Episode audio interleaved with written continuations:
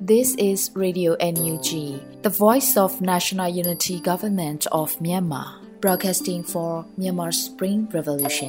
Radio NUG is transmitting from shortwave 16 meter 17.79 MHz at 8:30 a.m. and 25 meter 11.94 MHz at 8:30 p.m. Myanmar Standard Time. မင်္ဂလာပါရှင်။ မြို့သားညီညွတ်ရေးအစိုးရရဲ့အတန်လွန်ဌာန Radio NUG ကိုမနက်ပိုင်း၈နာရီခွဲမှာလိုင်းတူ16မီတာ19.89 MHz ညပိုင်း၈နာရီခွဲမှာလိုင်းတူ25မီတာ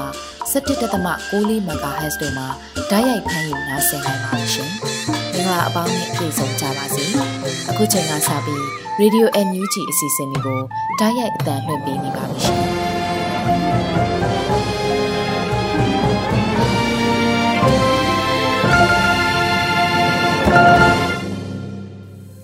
မြန်မာနိုင်ငံသူနိုင်ငံသားအပေါင်းတဘာဝပြီးစစ်အာဏာရှင်ဘေးတို့ကနေကင်းဝေးပြီးကိုစိတ်နှပါကြမ်းမှလုံခြုံကြပါစေလို့ Radio NUT အဖွဲ့သားများကဆုတောင်းမေတ္တာပို့သလိုက်ရပါတယ်ရှင်။အခုချိန်မှစပြီးကာကွယ်ဝင်ကြီးဌာနရဲ့စီရေးတရင်အချင်းချုပ်ကိုຫນွေဦးမောင်မှတင်ဆက်ပေးမှာဖြစ်ပါတယ်ရှင်။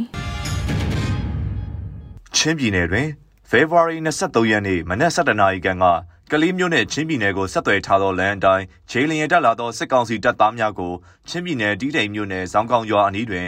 PDF ဇိုလန်နဲ့ CDMC ရင်တို့မှမိုင်းဆွဲတိုက်ခိုက်ခဲ့ကြောင်းသိရသည်။ February 23ရက်နေ့ညနေ4နာရီခန့်ကတီးတိမ်မြို့နယ်တီးတိမ်မြို့မှဖလန်းမြို့သို့ဦးတီထွက်ခွာလာသောစစ်ကောင်စီကား၁၈စီးရင်နှန်းကို PDF ဇိုလန်နဲ့ CDMCN ပူးပေါင်းတပ်မှတီးတိမ်မြို့နယ်ဇောင်းကောင်ကျေးရွာအနီးတွင်မိုင်းဆွဲတိုက်ခိုက်ခဲ့ကြောင်းသိရသည်။ စကိုင်းတိုင်းတွင်ဖေဖော်ဝါရီ23ရက်နေ့မနက်10:00နာရီခန့်ကကလေးမြို့နယ်တောင်ပိုင်းမှန်တော်ကျေးရွာသို့လာသည့်စစ်ကောင်စီနှင့်ပြူစောတိအင်အား80ခန့်ကို Challenge Defense Force ကလေးကဘောဂံကောတို့ပူးပေါင်းပြီးခုခံတိုက်ခတ်ခဲ့ရာနနာရီကြာတိုက်ပွဲဖြစ်ပွားခဲ့ပြီးစစ်ကောင်စီတပ်သား6ဦးသေဆုံးခဲ့သည်။မကွေးတိုင်းတွင်ဖေဖော်ဝါရီ23ရက်နေ့ညနေ4:15မိနစ်ခန့်က ပေါက်မြို့နယ်ရေးပြရဲစခန်းကိုပြည်သူ့ကာကွယ်ရေးအဖွဲ့မြိုင်ရေစကြုံနဲ့ပေါက်တို့ကပူးပေါင်းဝင်ရောက်တိုက်ခိုက်ခဲ့ပြီးစစ်ကောင်စီစခန်းမှုအပါအဝင်စစ်ကောင်စီတပ်သား9ဦးသေဆုံးခဲ့သည်စစ်ကောင်စီကျူးလွန်သောရာဇဝတ်မှုများကိုတင်ဆက်ပေးပါမယ်။ကရင်ပြည်ကယားပြည်နယ်တွင်ဖေဖော်ဝါရီ23ရက်နေ့နေ့လယ်ကဓမော့ဆုံမြို့နယ်နမ်းမယ်ခုံမြို့ကိုစစ်ကောင်စီဘက်မှလေရင်ဖြင့်6ကြိမ်ဘုံကျဲတိုက်ခိုက်ပြီးလက်နက်ကြီးဖြင့်10ကြိမ်ထပ်မံပစ်ခတ်မှုများကြောင့် ကာလလတာမှတပ်သား2ဦးကြာဆုံးပြီး3ဦးထိခိုက်ဒဏ်ရာရရှိခဲ့သည်ဖေဖော်ဝါရီ23ရက်နေ့ညနေ6နာရီခန့်ကဓမော့ဆုံမြို့နယ်ဒေါကမီကျေးရွာစီလီတုံကျေးရွာနဲ့စီလန်းကျေးရွာတို့တွင်စစ်ဖြစ်ပွားမှုမရှိတော့လဲစစ်ကောင်စီဘက်မှပြည်သူများနေထိုင်သည့်နေရာများကိုတိုက်လေရင်ဖြစ်လေးချိန်တိုက်တိုင်းဘုံကျဲတိုက်ခိုက်ခဲ့သောကြောင့်ပြည်သူ2ဦးသေဆုံးက2ဦးထိခိုက်ဒဏ်ရာရသည့်အပြင်ပြည်သူအချို့ပျောက်ဆုံး၍ပြည်သူနေအိမ်9လုံးခန့်ထိခိုက်ပျက်စီးခဲ့ပြီးနေအိမ်တစ်လုံးမီးလောင်ဆုံးရှုံးခဲ့သည် စကိုင်းတိုင်းတွင်ဖေဖော်ဝါရီ24ရက်နေ့မနက်7:00နာရီခန့်ကကလေးမြို့နယ်တန်ဖိုကျေးရွာအနီးစစ်ပေးဆောင်စခန်းကိုစစ်ကောင်စီတပ်သားများဝင်ရောက်ခဲ့ပြီးစစ်ပေးဆောင်တဲများကိုမီးရှို့ဖျက်ဆီးခဲ့သည်ဖေဖော်ဝါရီ24ရက်နေ့ကဒဇယ်မြို့နယ်တပြေရင်လက်ဆယ်နဲ့ရေရှင်ကုန်းရွာများကိုစစ်ကောင်စီတပ်သားများဝင်ရောက်စီးနင်းခဲ့ပြီးပြည်သူပိုင်ပစ္စည်းများနဲ့စိုက်ကယ်များကိုမီးရှို့ဖျက်ဆီးခဲ့သည် ဖေဖော်ဝါရီ22ရက်နေ့ကကလေးမြို့နယ်ချောင်းဝကျေးရွာမှာစစ်ဆောင်သားမိ3ဦးအမေဖြစ်သူအသက်40သမီးဖြစ်သူ73နှစ်နဲ့15နှစ်တို့အားစစ်ကောင်စီတပ်သားများမှဖမ်းဆီးခေါ်ဆောင်သွားပြီးမီးရှို့တပ်ဖြတ်ခဲ့ကြသည်မကွေးတိုင်းတွင်ဖေဖော်ဝါရီ21ရက်နေ့က6မြို့နယ်6မြို့တွင်အသက်မပြည့်သေးသည့်ကလေးတငယ်3ဦးကိုစတင်ဖမ်းဆီးခဲ့ရမှယနေ့အချိန်အထိကလေးတငယ်20ဦးနီးပါးဖမ်းဆီးခံထားရသည်ကျွန်တော်ကတော့ຫນွေဦးမောင်ပါ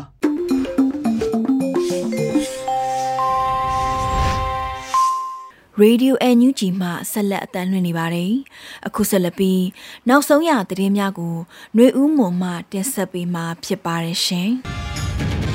။တောင်ကိုရီးယားနိုင်ငံဖြောင်ချက်ငင်းချမ်းရေးဖိုရမ်2022ပွဲကို NUG ကိုယ်စားလှယ်အနက်အဖွဲ့တက်ရောက်ဆွေးနွေးခဲ့ကြပါတယ်။ပြည်ထောင်စုသမ္မတမြန်မာနိုင်ငံတော်အမျိုးသားညီညွတ်ရေးအစိုးရရဲ့ကိုရီးယားသမ္မတနိုင်ငံဆိုင်ရာကိုယ်စားလှယ်ဦးရနိုင်ထွန်းတဲ့အဖွဲ့ဟာ 2022ခုနှစ်ဖေဖော်ဝါရီလ22ရက်နေ့မှ24ရက်နေ့ထိကျင်းပခဲ့တဲ့ဖြောင်းချက်ငင်းကျန်းဖိုရမ်2022ကိုတက်ရောက်ပြီးမြမအရေးနဲ့နိုင်ငံတကာရဲ့အခမ်းကဏ္ဍဟူသောခေါင်းစဉ်နဲ့ရှင်းလင်းတင်ပြဆွေးနွေးခဲ့ကြပါတယ်။ဖြောင်းချက်ငင်းကျန်းဖိုရမ်ကိုစတင်ကျင်းပခဲ့တာဟာ၄နှစ်ခန့်ရှိပြီဖြစ်ပြီးတောင်မြောက်ပြည်လဲပေါင်းစည်းရန်ရည်ရွယ်ချက်နဲ့စီးပွားရေးယဉ်ကျေးမှုအားကစားစတဲ့ကဏ္ဍတို့နဲ့ဘယ်လိုဆက်ဆက်ပြီးတော့ထာဝရငြိမ်းချမ်းရေးဖော်ဆောင်နိုင်တယ်လဲဆိုတဲ့နယ်ပယ်ပေါင်းစုံက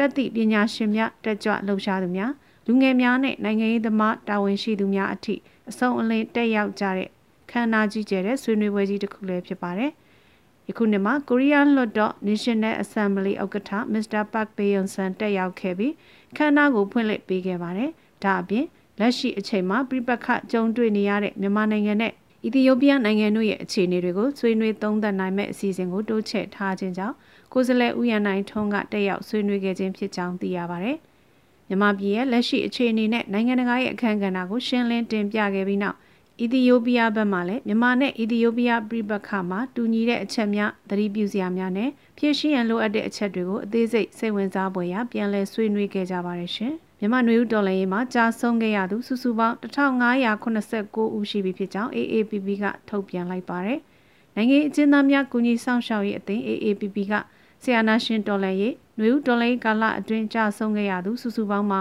2020ဖေဖော်ဝါရီလ24ရက်အထိ1589ဦးရှိခဲ့ပြီဖြစ်ကြောင်းထုတ်ပြန်ခဲ့ပါတယ်။အဆိုပါအရေးအတွက်ဟာ AAPP ကကောက်ယူရရှိထားတဲ့အရေးအတွက်ဖြစ်ပြီးမှန်တကယ်ကြာဆုံးသွားသူများမှာအဆိုပါအရေးအတွက်ထက်ပိုများနိုင်တယ်လို့လည်းဆိုပါတယ်။မှတ်တမ်းပြုစုချက်များအရ2021ဖေဖော်ဝါရီလ1ရက်နေ့မှ2022ခုနှစ်ဖေဖော်ဝါရီလ24ရက်နေ့အထိတိုင်ဖမ်းဆီးချုပ်နှောင်ခြင်းခံထားရသူစုစုပေါင်း 9368ဦးရှိပြီး၎င်းတို့အနက်မှ953ဦးမှာထောင်ဒဏ်ချမှတ်ခြင်းခံထားရပြီးအဲ့ဒီပြည်တန်းကြခံရသူတွေမှာအသက်18နှစ်အောက်ကလေး2ဦးအပါအဝင်45ဦးမှာတည်တံချမှတ်ခံထားရတယ်လို့ဖော်ပြပါဗျ။ဒါအပြင်ဖမ်းဝရန်ထုတ်ချင်းခံထားရသောကြောင့်တိမ်းရှောင်နေရသူ1983ဦးရဲ့အမည်စင်းကိုလည်းတီးခြားဖော်ပြထားပြီး၎င်းတို့အနက်မှာမြက်ကွဲတည်တံချမှတ်ခြင်းခံထားရသူ39ဦးအပါအဝင် 118ဦးမှမြက်ကွဲပြည်တံချမှတ်ခြင်းခံထားရပါတယ်။စီးရင်များရတည်တံချမှတ်ခံထားရသူစုစုပေါင်း84ဦးရှိပြီဖြစ်ပြီးလူမြောက်လာသူဦးရေအတိအကျနဲ့အမည်စင်းမှာချက်ချင်းရရှိရန်လက်လက်မမီတဲ့အတွက်အတီးပြုရန်လိုအပ်နေဆဲဖြစ်ပြီးအတီးပြုနိုင်တဲ့အမည်စင်းများကိုဆက်လက်ဖော်ပြသွားမယ်လို့သိရပါတယ်။ကရင်ပြည်နယ်ကော့ဂရိတ်မြို့နယ်လှိုင်းဝကျေးရွာမှာနေထိုင်တဲ့မတ်သူစာတွေကို PDF များကိုထောက်ပံ့တယ်လို့ဆွဆွဲပြီးအကြမ်းဖက်မှုတိုက်ဖျက်ရေးဥပဒေပုံမှန်52ဖြင့် ဖေဖော်ဝါရီလ22ရက်နေ့ညနေပိုင်းမှာစစ်ကောင်စီတပ်တွေကဖမ်းဆီးသွားခဲ့ကြောင်းသိရပါဗျ။မတ်သူစာတွေဟာကိုဝင်ခုနှစ်လလွဲထားရကြောင်းကိုလည်း AAB ကဖော်ပြပါဗျ။ဖေဖော်ဝါရီလ22ရက်နေ့မှာစကိုင်းတိုင်းဒေသကြီးကလေးမြို့နယ်ငဖားကြီးရွာအတွင်ကိုကျန်းဖတ်စစ်အုပ်စုရဲ့တပ်ကစစ်ကြောင်းထိုးခဲ့ပြီးလက်နက်ကြီးများနဲ့ပစ်ခတ်ခဲ့ကဒေသခံရွာသား2ဦးဖြစ်တဲ့ဦးအောင်ထွန်းနဲ့စကားပြောနိုင်ခြင်းမရှိသောဦးတန်းလာတို့ကိုဖမ်းဆီးခဲ့ပြီးနောက်ညှဉ်းပန်းနှိပ်စက်ခါတပ်ဖြတ်ခဲ့ကြောင်း AAPP ရဲ့ဖေဖော်ဝါရီလ24ရက်ထုတ်ပြန်ချက်အရသိရပါတယ်။ ရက်ဖက်အဖွဲ့အစည်းမှခေါင်းဆောင်များရက်သားများတက်ကြွလှုပ်ရှားသူများတရင်သမားများစီဒီအမ်လှုပ်ရှားနေသည့်ဝန်ထမ်းများစသည့်နယ်ပယ်အသီးသီးမှမြည်သူမဆိုဖမ်းဆီးထိန်သိမ်းတရားစွဲဆိုခြင်းခံထားရခြင်းများနဲ့နယူးဒေါ်လာကာလအတွင်းကြာဆုံးသွားသူများ၏အချက်အလက်များကိုသိရှိပါကနိုင်ငံအကျဉ်းသားများကူညီဆောင်ရှောက်ရေးအသင်း AAPP ကိုဆက်သွယ်အသိပေးအကြောင်းကြားကြဖို့ကိုလည်းအသိပေးတိုက်တွန်းထားပါတယ်။ AAPP ရဲ့လူမှုကွန်ရက်စာမျက်နှာဖြစ်တဲ့ Assistant Association for Political Prisoners Burma ကို Blue Mat မှတ်သားနဲ့အလွယ်တကူရှာဖွေတွေ့ရှိနိုင်မှာဖြစ်ပြီး email လိပ်စာကတော့ info/aappb.org ဖြစ်ပါတယ်ရှင်။နမ်းမဲခုံမျိုးကိုအာနာသိန်းစစ်ကောင်စီလေးတပ်ကဝင်ရောက်တိုက်ခိုက်မှုကြောင့်အရက်သားများသေဆုံးနေရပါတယ်။ ဒီမော့ဆိုကိုပြန်လည်ထိန်းချုပ်လိုတဲ့အာနာသိန်းစစ်တပ်ဟာရှမ်းပြည်နယ်တောင်ပိုင်းမိုးပြဲနဲ့ကရင်ပြည်နယ်လွိုင်းကောကြားဒေသဖြစ်တဲ့နမ်းမဲခုံကိုလေကြောင်းစစ်ဆင်မှုနဲ့အတူအကြီးအကျယ်တိုက်ခိုက်မှုတွေပြုလုပ်နေပါတယ်။ဒီမော့ဆိုနောက်ချမ်းနမ်းမဲခုံနဲ့အနီးဝန်းကျင်ကရွာတချို့ဟာဖေဖော်ဝါရီလ23ရက်ညပိုင်းမှာကလေးကစစ်ကောင်စီရဲ့လေကြောင်းတိုက်ခိုက်မှုတွေကိုခံခဲ့ရပါတယ်။လေကြောင်းပစ်ခတ်မှုခံခဲ့ရတဲ့နေရာဟာစစ်ဘေးရှောင်းစခန်းအနီးတစ်ဝိုက်ဖြစ်တယ်လို့သိရပြီး ဒီတိုက်ခိုက်မှုကြောင့်ဒေါကမီရွာနဲ့စီလီတုံးချေရွာကဒေသခံ2ဦးဘုံထိမှန်သေဆုံးခဲ့ပါတယ်။ပြည်သူလေးဦးထပ်မံဒဏ်ရာရရှိပြီးနေအိမ်မီလောင်ပျက်စီးမှုတွေလည်းရှိခဲ့တယ်လို့ကင်းနီမျိုးသားများကာကွယ်ရေးတပ် KNDF ကလည်းထုတ်ပြန်ထားပါတယ်။ဒေသခံကာကွယ်ရေးတပ်များရဲ့သတင်းထုတ်ပြန်ချက်အရဖေဖော်ဝါရီလ23ရက်နေ့မှာစစ်ကောင်စီနဲ့ဒေသကာကွယ်ရေးတပ်တို့ကြားနှစ်ဖက်တိုက်ပွဲဖြစ်ပွားခဲ့ပြီးစစ်ကောင်စီဘက်က10ဦးသေဆုံးတယ်လို့ဆိုပါတယ်။ KNDF ဘက်ကလည်းထိခိုက်ကြဆုံးမှုနဲ့ဒဏ်ရာရရှိသူတွေရှိပါတယ်။ လေကြောင်းတိုက်ခိုက်မှုတွေခံခဲ့ရတဲ့ကြေးရွာတွေဟာလက်ရှိနှစ်ဖက်တိုက်ပွဲတွေဖြစ်နေတဲ့ကြေးရွာတွေမဟုတ်ပဲဘုံကျဲတိုက်ခိုက်ခံရတာလို့ဒေသခံတွေကဆိုပါတယ်။လေကြောင်းတိုက်ခိုက်မှုတွေဇက်တိုက်ပြုလုပ်ခဲ့ပြီးဖေဖော်ဝါရီလ24ရက်နနက်9:00မိနစ်20မှာတစ်ကြိမ်နေ့လယ်7:00နာရီခွဲမှာတစ်ကြိမ်နဲ့နေ့လယ်12:00နာရီခွဲကမှာတစ်ကြိမ်စုစုပေါင်း3ကြိမ်စလုံးမှာတိုက်လေယာဉ်များအုံပြုဘုံကျဲတိုက်ခိုက်ခဲ့ပါတယ်။ဗျူဟာအရဒီမော့ဆိုကိုစစ်တပ်ကပြန်သိမ်းခြင်းနဲ့ဒါကြောင့်နမ်မဲခုံကိုအရင်ရမှဖြစ်တာ နမ်မဲခုံကဗျူဟာလဲကြတဲ့အဲ့ဒီနေရာမှာလက်နက်ကြီးထောက်ချင်တာဒါကြောင့်အခုစစ်ကြောင်းလေကြောင်းအသေးအံထိုးနေတာလို့ကီနီပြည်သူ့ကာကွယ်ရေးတပ်ဖွဲ့ဝင်များကပြောပါတယ်ယမန်နေ့နနက်ပိုင်းအစောကစပြီးတိုက်လေယာဉ်များနဲ့အကြိမ်ကြိမ်ဘုံကျဲတိုက်ခိုက်မှုအပြင်တင်ကားများ105မမများအသုံးပြုမှုကြောင့်ကျွန်တော်တို့ကရင်ပြည်ပေါင်းစုတွေအားလုံးသဘောတူညီဆုံးဖြတ်ပြီးတော့နတ်မခုံကိုယာယီဆွန့်လွတ်လိုက်ကြောင်း DMO PDF တာဝန်ရှိသူတဦးကရှင်းပြပါဗျ။ အာနာသိမ့်ပြီးနောက်ပိုင်းမေလမှစလို့အာနာသိမ့်စစ်အုပ်စုကိုဒေသကာကွယ်ရေးတပ်တွေကခုခံတွန်းလှန်စစ်တွေဖြစ်ပွားနေရမှာခုချိန်ထိပြင်းထန်နေဆဲဖြစ်ပါတယ်စစ်ကောင်စီရဲ့ကျူးကျော်စစ်ကြောင့်ပြည်내လူဦးရေ3သိန်းကျော်လောက်ရှိတဲ့ကရားပြည်နယ်ထဲမှာလူဦးရေတဝက်ကျော်လောက်ကစစ်ဘေးတိမ်းရှောင်နေရပါတယ်အရေးပေါ်စားနပ်ရိက္ခာနဲ့စေဝါအထောက်ပံ့တွေရဖို့ခက်ခဲတဲ့အခြေအနေတရက်ကိုကင်းနီပြည်သူတွေရင်ဆိုင်နေရတယ်လို့ကင်းနီလူမှုအဖွဲ့အစည်းတွေကလည်းထုတ်ပြန်ထားပါတယ်ရှင်။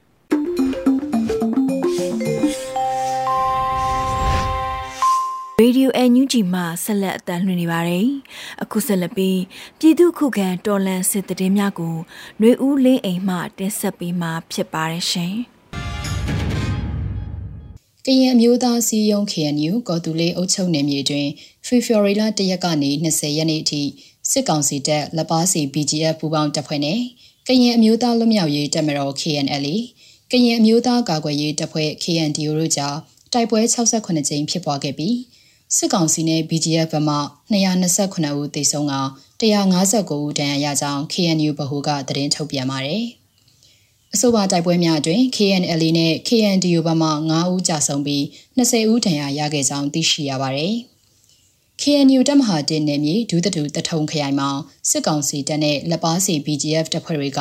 ငွေစည်းများအတင်းအဓမ္မကောက်ခံခြင်းပစ္စည်းများအဓမ္မတင်ယူခြင်းအဓမ္မခိုင်းစေခြင်းများပြုလုပ်ခဲ့ကြောင်း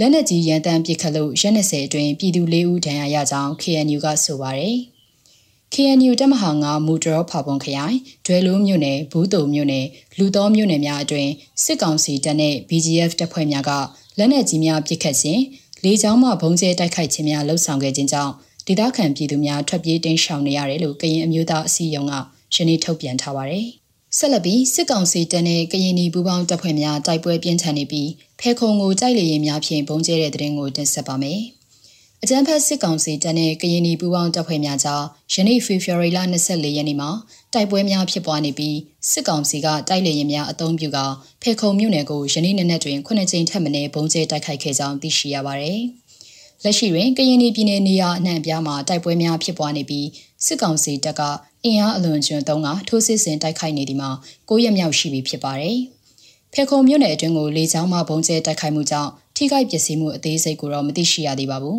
။ကလေးမျိုးမန်တော်ကျေးရွာနီးတိုက်ပွဲဖြစ်ပြီးစစ်သားတအုပ်တေဆုံးက9ဦးထပ်မံဒဏ်ရာရတဲ့တဲ့ရင်ကိုဆက်လက်တင်ဆက်ပေးမှာပါ။ ကလေးမြို့နယ်တောင်ပိုင်းမန်တော်ကြီးရွာမှာအနောက်ဘက်ကိုထွက်ခွာလာတဲ့အကြမ်းဖက်စစ်ကောင်စီတပ်ဖွဲ့ကိုယမန်နေ့ဖေဖော်ဝါရီလ23ရက်နနက်7:00နာရီခန့်မှာ PDF ကလေး CDF KKG CDF ထန်တလန် RKDF နဲ့ပကဖဘူပေါင်းတပ်ဖွဲ့တွေကကြားဖြတ်တိုက်ခိုက်ခဲ့ပြီးစစ်ကောင်စီဘက်မှအရာရှိဟုယူဆရသူတအုပ်သေဆုံးကအနည်းဆုံး9ဦးဒဏ်ရာရကြောင်း PDF ကလေးကသတင်းထုတ်ပြန်ပါတယ်။ အဆိုပါစစ်ကောင်စီတပ်ဖွဲ့ဟာအင်အား60ခန့်ဖြင့်ကြံတာကျေးရွာနဲ့ဟန်တာဝရီကျေးရွာတွေမှာတပ်ဆွဲထားတဲ့အဖွဲ့ဖြစ်ကြောင်းမှန်တော်ကျေးရွာကိုမှွေနှောက်ဖျက်ဆီးခဲ့ကြောင်းရှင်းနောက်ဒေသကာကွယ်ရေးတပ်ဖွဲ့များကတိုက်ခိုက်ခဲ့ခြင်းဖြစ်ကြောင်းသိရှိရပါတယ်။နှစ်ဖက်အပြန်အလှန်ပစ်ခတ်မှုဟာနှစ်နာရီခန့်ကြာမြင့်ခဲ့ပြီးဒေသကာကွယ်ရေးပူးပေါင်းအဖွဲ့မှအထူးကိမရှိဆုတ်ခွာနိုင်ခဲ့ကြောင်း PDF ကလေးထံမှသိရှိရပါတယ်။ ဆက်လက်တင်ဆက်ပြီးမှကတော့ဖားကန်ကောင်မိုင်စစ်စေးရေးဂိတ်ကို KIA PDF ပူပေါင်းတပ်ဖွဲ့ကဝင်တိုက်လို့စစ်ကောင်စီတပ်ဖွဲ့ဝင်2ဦးသေဆုံးပြီးတနက်9လက်သိမ်းဆည်းရမိတဲ့တဲ့မှာကချင်ပြည်နယ်ဖားကန်မြို့နယ်ရှိကောင်မိုင်စစ်စေးရေးဂိတ်ကို KIA PDF ပူပေါင်းတပ်ဖွဲ့ကဝင်တိုက်ခိုက်ရာစစ်ကောင်စီတပ်ဖွဲ့ဝင်2ဦးသေဆုံးပြီးတနက်9လက်သိမ်းဆည်းမိကြောင်း KIA သတင်းရင်းမြစ်ကအတည်ပြုပြောဆိုပါရယ်။ ဖားကန်လမ်းမရှိအစစ်စေးကြံတဲ့စစ်ကောင်စီရဲ့ကာမိုင်းစစ်စေးရေးဂိတ်ကိုဖေဖော်ဝါရီလ24ရက်မနက်6နာရီမှာ KIA PDF တပ်ဖွဲ့ဝင်များကတိုက်ခိုက်ကြောင်းစစ်ကောင်စီတပ်ဖွဲ့ဝင်အနည်းဆုံး2ဦးသေဆုံးပြီးတနက်9လက်သိမ်းဆည်းနိုင်ခဲ့ကြောင်းအဆိုပါစကားဆစစ်စေးရေးဂိတ်အနီးရှိပြည်သူတအုပ်လည်းသေဆုံးခဲ့ကြောင်းကာမိုင်းဖြူဟာကုန်းမှစစ်ကူလာတဲ့စစ်ကောင်စီတပ်ဖွဲ့ဝင်တွေကိုလမ်းတွင် KIA PDF အဖွဲ့ဝင်များကကြားဖြတ်တိုက်ခိုက်တော့ကြောင်းအထူးကိများနိုင်ကြောင်းသိရှိရပါတယ်။ တိုက်ပွဲဟာမိနစ်90ခန့်ကြာမြင့်ခဲ့ပြီးကာမိုင်းလဝါလမ်းဆောင်ရှိအဆိုပါဂိတ်ကိုဖျက်ဆီးလိုက်နိုင်ကြောင်းတိုက်ပွဲဖြစ်ပွားနေစဉ်ကောင်မိုင်းမျိုးရှိစစ်ကောင်စီဗျူဟာကုန်းမှလက်နက်ကြီးများဖြင့်ပစ်ကူပေးခဲ့ကြောင်းစခန်းကိုဖျက်ဆီးခဲ့ပြီးလက်နက်များတင်ဆက်ရမိကအထီးကိုင်းမရှိစုခွာနိုင်ခဲ့ကြောင်းသိရှိရပါတယ်။နောက်ဆုံးအနေနဲ့ပေါင်းမြို့နယ်ရေပြရဲကင်းစခန်းကို PDF ဝင်ရောက်တိုက်ခိုက်မှုမှာစခန်းမှုအပါအဝင်ရဲ9ဦးတေဆုံးခဲ့တဲ့တဲ့တင်ကိုတင်ဆက်ပေးမှာပါ။ ဖေဖော်ဝါရီလ23ရက်နေ့ညနေ4နာရီဝန်းကျင်ခန့်အချိန်မကွေးတိုင်းပေါင်းမြို့နယ်ရေပြရဲစခန်းကိုရေစကြိုမြို့နယ်ပြည်သူ့ကာကွယ်ရေးတပ်ဖွဲ့မြိုင်မြို့နယ်ပြည်သူ့ကာကွယ်ရေးတပ်ဖွဲ့ပေါင်းမြို့နယ်ပြည်သူ့ကာကွယ်ရေးတပ်ဖွဲ့မဟာမိတ်တုံးခုနဲ့ပကဖများပူးပေါင်းပြီးတိုက်ခိုက်ရာစခန်းမှုအပါအဝင်9ဦးသေဆုံးသွားခဲ့ကြောင်းတိုက်ပွဲမှာ45မိနစ်ကြာမြင့်ကြောင်းရေစကြိုမြို့နယ်ပြည်သူ့ကာကွယ်ရေးရဲဘော်2ဦးထိခိုက်ဒဏ်ရာရရှိကြောင်းပြည်သူ့ကာကွယ်ရေးတပ်ဖွဲ့ရေစကြို People Defense Force ရေစကြိုကသတင်းထုတ်ပြန်ထားပါတယ်။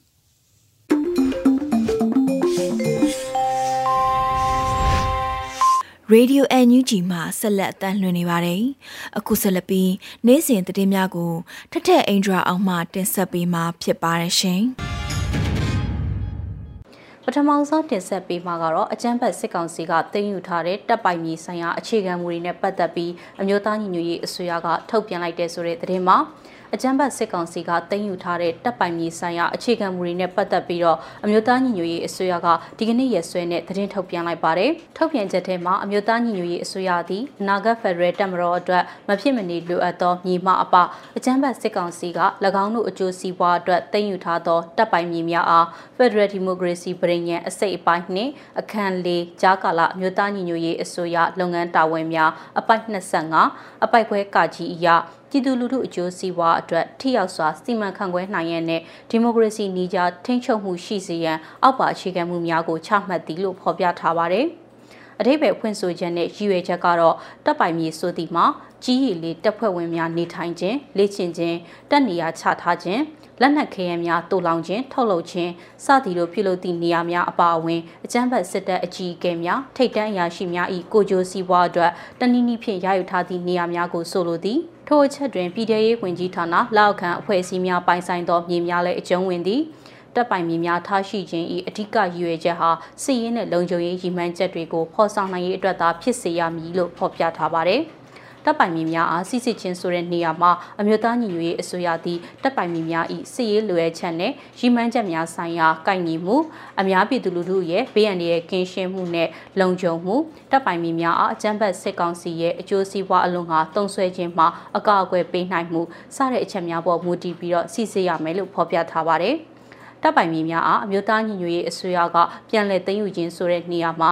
စစ်ရေးနဲ့လုံခြုံရေးရှိမှန်းချက်များနဲ့ကိုက်ညီခြင်းမရှိဘဲအကြမ်းဖက်စစ်ကောင်စီရဲ့အကျိုးစီးပွားအလုံးကအသုံးပြုခြင်းအကြမ်းဖက်စစ်တပ်အကြီးအကဲများနဲ့ထိပ်တန်းအရာရှိတွေရဲ့အကျိုးစီးပွားဖော်ဆောင်ရေးအရင်းမြစ်များဖြင့်အသုံးပြုခြင်းများအားစစ်စစ်တွေ့ရှိပါကအမျိုးသားညီညွတ်ရေးအစိုးရသည်တပ်ပိုင်မြေများအားပြန်လည်သိမ်းယူခြင်းပြုလုပ်ရမည်လို့ဖော်ပြထားပါတယ်။ပြန်လည်သိမ်းယူထားသောတပ်ပိုင်မြေများအားအသုံးပြုခြင်းဆိုတဲ့နေရာမှာအမျိုးသားညီညွတ်ရေးအစိုးရအဖွဲ့အစည်းအဝေးရဲ့အတည်ပြုချက်နဲ့စီမံကိန်းဗဏ္ဍာရေးနဲ့ရင်းနှီးမြှုပ်နှံမှုဝန်ကြီးဌာနသိမ်းယူထားတဲ့တပ်ပိုင်မြေများအားလေလံတင်ရောင်းချခြင်း အများပြည်သူအကျိုးစီးပွားအလို့ငါ infrastructure development စီမံကိန်းများအကောင့်ထဲပေါ်ဆောင်ရွက်ခြင်းတို့ကိုပြုလုပ်ရမည်လို့ဖော်ပြထားပါတယ်။ဆက်လက်ပြီးတော့အကြမ်းဖက်စစ်အုပ်စုကိုလေရင်စီတင်သွင်းပံ့ပိုးနေတဲ့လုပ်ငန်း၃ခုကိုအမျိုးသားညီညွတ်ရေးအစိုးရကထုတ်ပြန်လိုက်ပြီးတော့တခြားကုမ္ပဏီတွေကိုလည်းစုံစမ်းပြီးဆက်လက်ထုတ်ပြန်သွားမယ်ဆိုတဲ့သတင်းကိုတင်ဆက်ပေးပါမယ်။အကြမ်းဖက်ဆေးအုပ်စုကိုလင်းရင်စီတင်သွင်းပံ့ပိုးနေတဲ့လုပ်ငန်း၃ခုကိုအမျိုးသားညီညွတ်ရေးအစိုးရစီးပွားရေးနဲ့ကုသရေးငွေရေးဝန်ကြီးဌာနက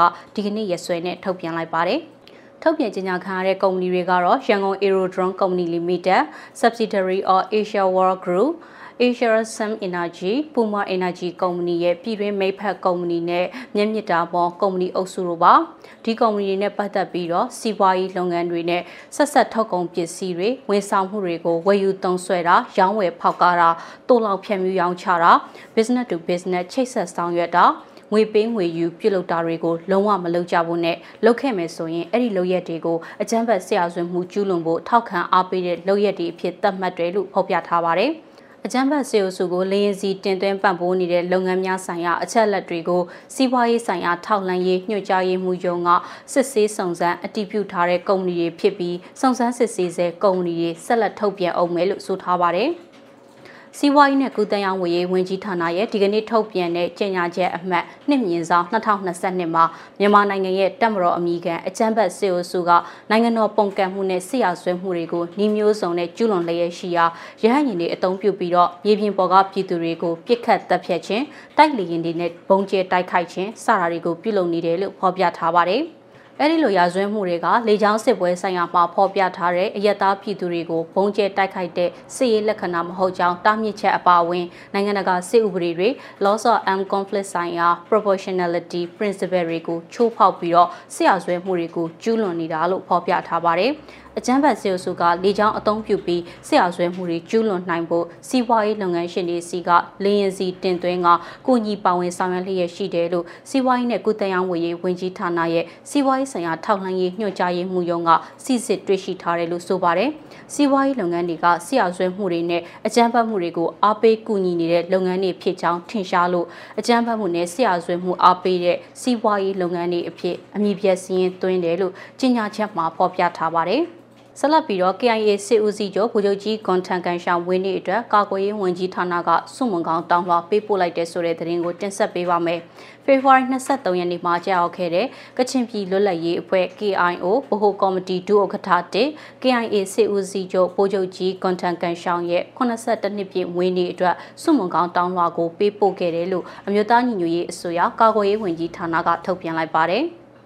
စုမှုကောင်တောင်းလာတဲ့မှာတော့2022ခုနှစ်ဖေဖော်ဝါရီလ23ရက်နေ့မှာကြာရောက်တဲ့ကချင်ပြည်လွတ်လပ်ရေးအဖွဲ့ KIO ဗဟိုကော်မတီဒုဥက္ကဋ္ဌတစ် KIA စစ်ဦးစီးချုပ်ဗိုလ်ချုပ်ကြီးကွန်ထန်ကန်ရှောင်းရဲ့82နှစ်ပြည့်မွေးနေ့မှာစပြီးစိတ်ချမ်းသာကိုကျမ်းမာစွာနဲ့ဖက်ဒရယ်ပြည်ထောင်စုနိုင်ငံတော်တည်တည်ဆောက်ရေးအတွက်စတဲ့တဘူထံပိုးဆောင်ရွက်နိုင်ပါစေကြောင်းစုမှုကောင်တောင်းအပ်ပါတယ်လို့ဖော်ပြထားပါတယ်။ ဆက်လက်ပြီးတော့နိုင်ငံတကာအနေနဲ့အာဆီယံမလုံနိုင်မှန်းသိနေရတဲ့မြမအရေးကိုအာဆီယံသာလှုပ်ရမယ်ဆိုတဲ့အယူအဆကိုပြန်သုံးသပ်ဖို့လိုတယ်လို့အမျိုးသားညီညွတ်ရေးအစိုးရအာဆီယံဆိုင်ရာတပ်အမတ်ပြောကြားလိုက်တဲ့ဆိုတဲ့သတင်းကိုတင်ဆက်ပေးပါမယ်။နိုင်ငံတကာအနေနဲ့အာဆီယံမလုံနိုင်မှန်းသိရတာနဲ့မြမအရေးကိုအာဆီယံပဲလှုပ်တင်နေဆိုတဲ့အယူအဆကနေပြီးအလေးအနက်ထားစဉ်းစားသုံးသပ်ဖို့လိုနေတယ်ဆိုပြီးတော့အမျိုးသားညီညွတ်ရေးအစိုးရအာဆီယံဆိုင်ရာတပ်အမတ်ကြီးဥပ္ပိုလတင်ကပြောကြားလိုက်ပါတယ်။ အာဆီယံအနေနဲ့မြမအရေးအတွက်ဘုံသဘောတူညီချက်ကိုလှုပ်ဆောင်ထားပေမဲ့လည်းမအောင်မြင်တဲ့အဓိကအကြောင်းရင်းကအကြမ်းဖက်စစ်တပ်ကိုဘယ်အချိန်အတွင်းလှုပ်ရမယ်ဆိုတဲ့အချိန်သတ်မှတ်ချက်မရှိသလို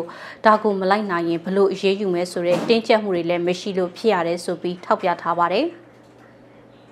ဒါအပြင်နိုင်ငံတကာအနေနဲ့လည်းမြန်မာနိုင်ငံအတွင်းကစစ်ဘေးရှောင်တွေအပါအဝင်လူသားချင်းစာနာမှုအထောက်အပံ့တွေလိုအပ်နေတဲ့သူတွေကိုထောက်ပံ့နိုင်ရေးကိစ္စမှာလည်းအကြမ်းဖက်စစ်ကောင်စီလက်ပါစီမြန်မာနိုင်ငံကြက်ချီနီအသင်းနဲ့ကုလသမဂ္ဂရဲ့မြန်မာနိုင်ငံအတွင်းကအေဂျင်စီတွေနဲ့လက်တွဲလှုပ်ဆောင်နေရင်အကူအညီတွေကတည့်ရောက်ရှိနိုင်မှာမဟုတ်ပဲလေလွတ်ဆုံးရှုံးနေအောင်မှာဖြစ်တယ်လို့ဆိုထားပါတယ်။အာဆီယံရဲ့ ASEAN Coordinating Center ဆိုတာမြန်မာနိုင်ငံလိုအင်မတန်ရှုပ်ထွေးနှက်နေတဲ့ပြည်ပခမျိုးတွေကိုကင်တွယ်ဖို့အဆင့်သင့်မဖြစ်သေးဘူးဆိုတာနဲ့မြန်မာနိုင်ငံကိုထိရောက်တဲ့လူသားချင်းစာနာမှုအကူအညီပေးနိုင်ဖို့အာဆီယံကုလသမဂ္ဂအေဂျင်စီနဲ့မဟာမိတ်နိုင်ငံတွေပူးပေါင်းဆောင်ရွက်ဖို့ကြိုးစားတင်တယ်လို့ဥပိုလာတင်ကအကြံပြုထားပါတယ်။မြမအရေးအတွက်အလုပ်ဖြစ်နိုင်မဲ့နီးနာတွေကိုထည့်သွင်းမဖော်ပြနိုင်ဘူးဆိုရင်တော့အာဆီယံရဲ့ဘုံသဘောတူညီချက်တွေဟာဖြစ်လာနိုင်စရာမရှိဘူးလို့လည်းအမျိုးသားညီညွတ်ရေးအစိုးရအာဆီယံဆိုင်ရာတန်အမတ်ကြီးဥပိုလာတင်ကထောက်ပြထားပါတယ်။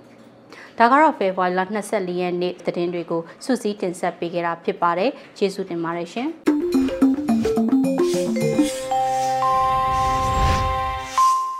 ရေဒီယိုအန်ယူဂျီမှဆက်လက်အသံလွှင့်နေပါတယ်။အခုဆက်လက်ပြီးတိုင်းရင်းသားဘာသာစကားအစီအစဉ်နေနဲ့ဂျိုးချင်းဘာသာစကားခွဲတစ်ခုဖြစ်တဲ့ကန်ဘာသာစကားဖြင့်တည်င်းထုတ်လွှင့်မှုအစီအစဉ်ကိုတင်ဆက်ပေးမှာဖြစ်ပါတယ်ရှင်။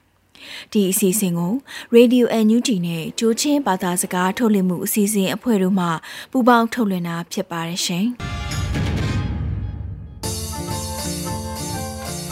NUG Pro Radio နမ်ငိုင်ဘုံဘူဘစခရာဝန်နမ်ငိုင်ဒေတီလာကုတ်ကန်တုကသူငိုအိုက်ထန်ကန်ထဲနွေခါကေလန်ဆာလာကကရိုင်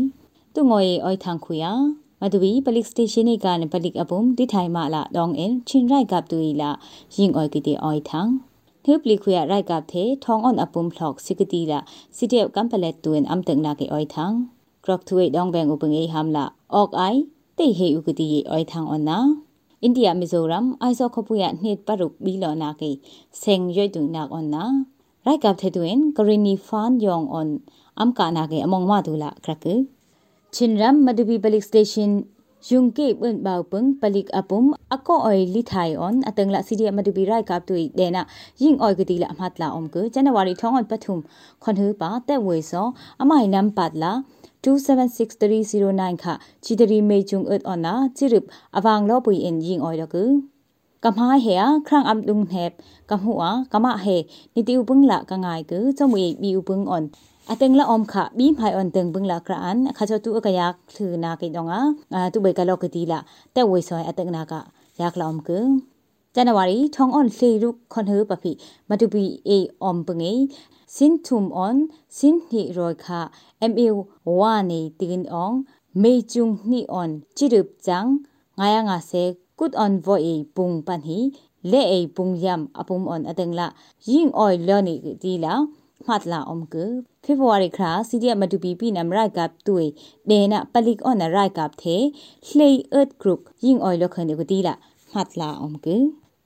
ทองอ่อนทองเลยนี่กุมเฟบรุรีครา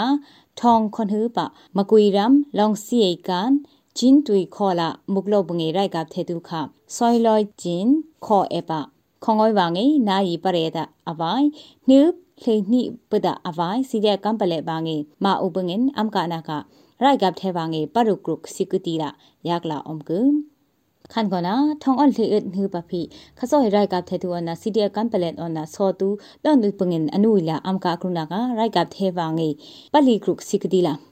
ยากละอมกือทองอ่อนปันหิคนึบะเยซองลันเนคิมปินเอบะไรกับเทตูอนะซีเดียกัมเปเลตูออนซอดูดอนอุบเงินอัมกากรูนากะไรกับเทบางเอลีอึดซีเอ็นอดิมอดาเฮเลมุกือเฟบวารีลีกุยกานินทองอ่อนปันหิชิละลิเบยอัมกากรูนากอมปเงินขะซอยอัมกากรูนากะไรกับทองอ่อนอปุมสิกดีละซีเดียกัมเปเลตูอัมตึงนากะยากละอมกือ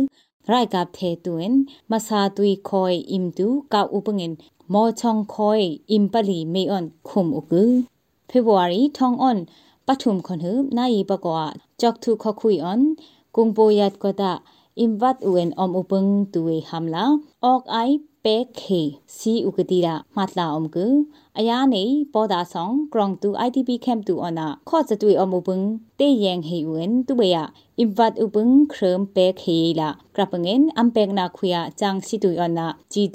ကလပေတူလာကရကဒီလာယာကလာအုံကူအိန္ဒိယမီဇိုရမ်အိုင်ဇိုခပူယာဖေဖော်ဝါရီထောင်းအပတ်နိခွန်နူပါနှစ်ပရုတုကအနာကေခွန်ဟူပေဖလာဆင်ရွိုက်တုနာမီလိုဦးကတိလာတဲ့ကူကမြန်မာဒီမိုကရေစီရဲ့ဟမ်လာအိန္ဒိယမီဇိုရမ်အိုင်ဇိုခပူယာတူန်အွန်ဟွန်ထိုဥပငမြန်မာရဲ့ဟမ်လာသာထိုတူန်တူန်အောင်အွန်မီလိုကခဆော့အမ်ရွိုက်တုနာကွန်တုမ်ခေါင္လာဆက်အွန်အမ်ရာတငေခော့အွန် ดองแวงอุปเงินคุยขาอุปเงยอัมหัมละมาเงยหัมละกรากตีละเตกอุกือ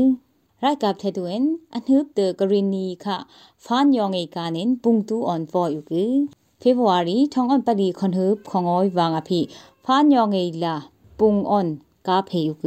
ခမအတွန်အမ်တက်နာကာဖေဖော်ဝါရီထောင်းအန်ပလီခွန်ငောဝါငနာယီခေအတီကာနင်နှူးနာယီထောင်းအွန်လီကိပရှိလာ ဖန်ယောင်အွန်တိုတိုယွန်ပုန်အွန်ကပ်ကုကရခန်ပငေနှုပရိပဒရိုက်ကပ်တဲ့တွင်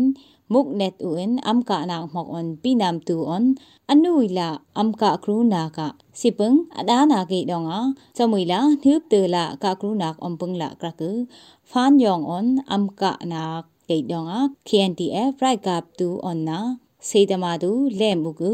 ရိုက်ကပ်တဲ့သူေတုကအာနာ อัมกะนาเกดองอา KNTF ไรกับตูออนนาစေတမာသူလဲ့မှုကူရိုက်ကပ်သေးသူေတုကအာနာခုမ်ခိနန်ဟောက်အွန်ဂရီနီရမ်ခွေပိနမ်တုခအမ်အင်လိုဒေါန်တဝင်းသူငွိုင်းကောင်ရေဒီယိုစီစင်နမ်ငိုင်ပឹងน้อยไปเกยนาตูอวันไรယူနာအောင်မူနံပါတ်နီ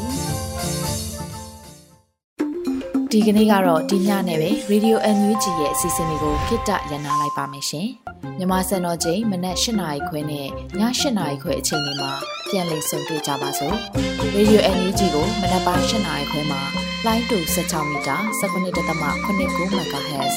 ညပိုင်း၈နာရီခွဲမှာလိုင်းတူ25မီတာ17.6